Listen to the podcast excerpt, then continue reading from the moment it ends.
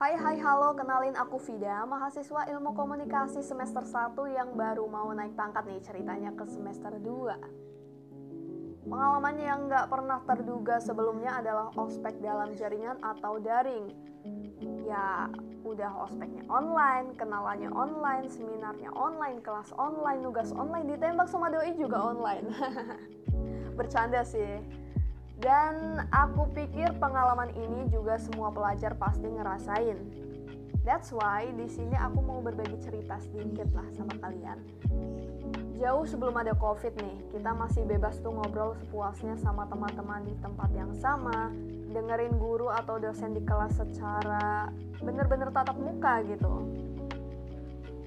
Meski begitu, ada konsekuensinya tentunya. Setiap pagi kita harus keluar rumah atau kos buat ke kampus. Dan bagi yang masih sekolah nih, peraturan keterlambatan masih disiplin banget. Ada tekanan yang bikin kita terpaksa harus mandi pagi, keluar rumah, pakai seragam yang masih sekolah. Sekali aja ada yang kelewat, udah bikin mood ancur seharian. Ya enggak? Dan waktu buat benerin mood ini alias libur kalau kata aku ya, cuma ya satu dua hari lah dalam seminggu untuk nyantai di rumah Sabtu sama Minggu. Nilai plusnya itu tadi kita bisa ketemu langsung sama teman-teman dan suasana belajarnya lebih kerasa kenapa? karena kita bisa melihat merasakan segala sesuatu yang hanya kalian dapatkan ketika kalian ada di kampus atau sekolah.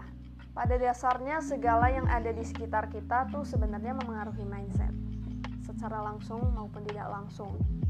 Gini deh, misalnya kalian ngerjain isai yang panjangnya tuh sepanjang jalan kenangan. Dan kalian tuh ngerjainnya di kasur atau di sofa deh, di sofa. Kita tahu dan sadar kalau fungsi kasur itu buat tidur, fungsi sofa buat duduk santai lah, ya kan? Sedangkan apa yang lagi kalian kerjakan tuh nugas. Ya, fine fine aja nggak masalah gitu. Never mind. Bagi orang-orang yang nggak mudah terdistraksi sekalipun handphone tuh ada di sampingnya. Tapi lain kalau bagi orang yang uh, kayak aku atau mungkin sebagian dari kalian yang gampang banget tergoda buat rebahan buat uh, megang HP scrolling scrolling di IG yang ujungnya nanti berimbas pada penundaan, tertunda lagi tugas kita, ya kan? Jadi sebenarnya mau kelas offline, mau kelas online, kita selalu dapat kelebihan dan kekurangannya. Ya, secara umum manusia tentu menginginkan apa yang enak bagi mereka. AKA kelebihannya aja. Tapi guys, hidup ini bukan hanya tentang ego. Selalu ada kekurangan yang bikin kita nggak nyaman dan jelas nggak diinginkan habis itu pengen deh cepat-cepat kelarin fase ketidaknyamanan itu. Tapi ngomong-ngomong nih kadang suatu kekurangan bisa jadi membuat kita lebih kreatif atau punya ide lebih besar. Uh, sedikit cerita nih dulu zaman zaman sekolah ketika kita nggak punya atau nggak bawa gunting tapi butuh buat motong kertas tapi duit tuh udah habis buat jajan. Masalahnya itu kantong kita udah kering kerontang sedangkan kita butuh gunting itu.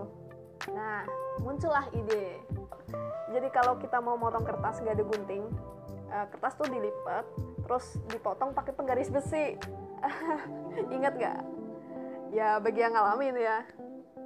Serius deh kalau kalian melihat suatu kekurangan hanya dari sisi negatifnya aja ya bakal mampet sampai kapan pun. Sebaliknya, dengan tenang dan pikiran terbuka, kalian bisa nemuin banyak peluang dari situ, banyak banget. Dan saat kuliah offline nih, uh, sekolah offline gitu, seringnya kita disibukkan dengan kegiatan kegiatan kampus, kegiatan sekolah gitu, entah itu formal atau informal, uh, di kelas maupun di ekstrakurikuler. Sedangkan selama kuliah online, sekolah online nih, kita bisa menghemat waktu untuk diselingi dengan kegiatan-kegiatan positif yang kita sukai. Kenapa bisa hemat? Ya itu tadi, kita kan nggak perlu banyak waktu untuk keluar rumah. Kalau aku pribadi di sela-sela kuliah online seringnya nulis bullet jurnal, baca webtoon, nulis cerita, nyoba-nyobain resep baru gitu kan. Karaoke di rumah, main ular tangga, main monopoli, catur uno, segala permainan offline yang saat ini tuh jarang kita mainkan. Mainkan aja buat nostalgia gitu, hitung-hitung ya kan. Misal dari yang ku sebutkan tadi tuh nggak ada yang kalian sukain, Coba deh cari referensi di Pinterest, keywordsnya gini, things to do when bored. Dan akan muncul banyak daftar hal-hal yang bisa kalian lakuin ketika lagi gabut-gabutnya. Kadang sesuatu yang bisa kita lakuin tuh belum kepikiran aja gitu, makanya dicari. Sejauh ini itu sih yang aku lakuin dan bisa dibagikan ke kalian. Semoga bisa membuka pikiran kalian lebih luas lagi seluas dunia ini. Eh, eh.